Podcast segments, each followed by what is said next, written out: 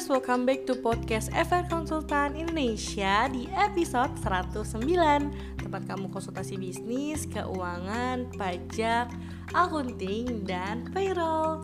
Bersama saya Mutireta, di episode kali ini saya akan menemani kalian nih Dalam beberapa menit ke depan yang pastinya dengan topik yang seru dan membangun untuk kaum milenial dan para pebisnis pastinya Are you ready to be a billionaire at your age? Pastiin kamu dengar sampai selesai ya.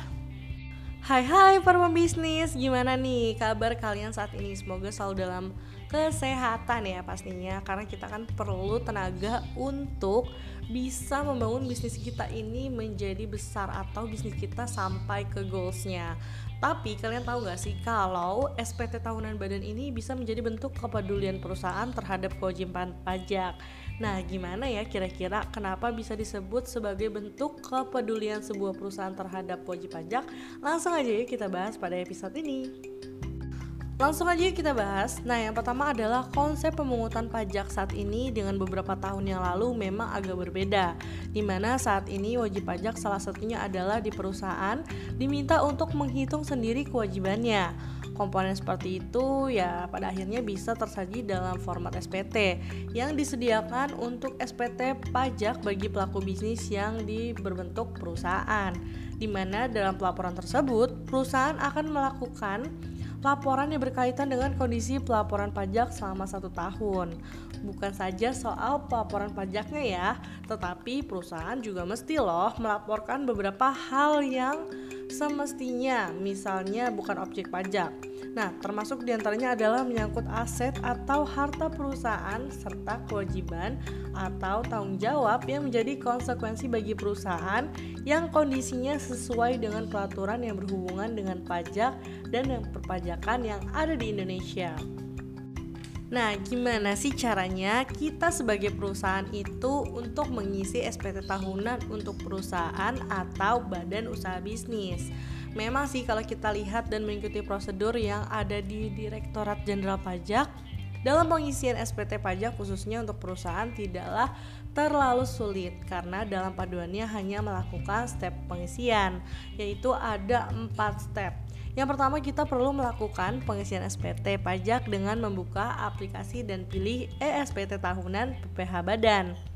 Setelah kita masuk dalam informasi tersebut, lalu ikutilah petunjuk yang diberikan, sehingga kita akan diminta untuk mengisi database dari profil perusahaan yang kita punya.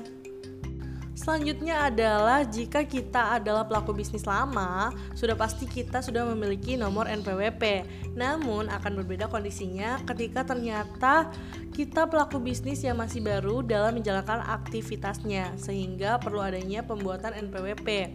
Tujuannya adalah agar database kita tersimpan sehingga tahun depan bisa dengan mudah melakukan pelaporan.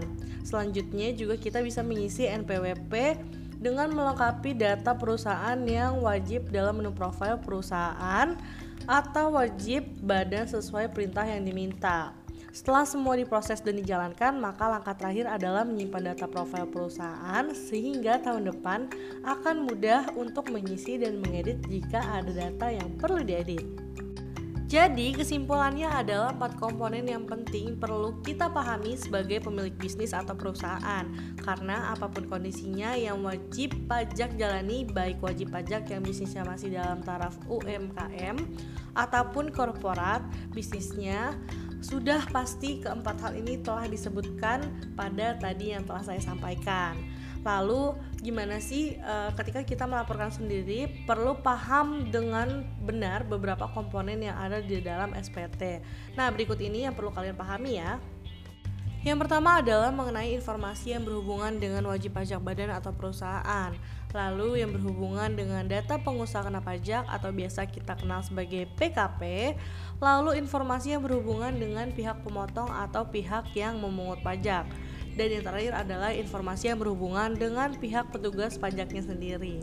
Jadi gimana nih buat kalian yang sudah punya bisnis, ayo kita bentuk kepedulian terhadap kewajiban pajak kita selama ini demi meningkatkan kualitas bisnis kita. Karena kalau misalnya kita juga taat wajib pajak, maka bisnis kita juga ke depannya akan lebih mudah untuk uh, di negara kita ini ya. Karena kan kita untuk membayar pajak adalah nantinya impactnya ke bisnis kita sendiri. Nah, sudah pembahasan kita pada episode kali ini Gak kerasa ya kita sekarang sudah berada di ujung episode lagi nih teman-teman. Semoga teman-teman dapat memahami ya bentuk kepedulian perusahaan terhadap kewajiban pajak itu seperti apa Thanks banget ya buat para pebisnis atau para Gen Z yang sudah dengerin sampai akhir pada episode kali ini. Untuk mendapatkan lebih banyak tips dan trik tentang bisnis, keuangan, pajak, dan digital marketing, kalian bisa pantau terus ya podcast FR Konsultan Indonesia dan tunggu updateannya di Instagram kita at FR Konsultan Indonesia.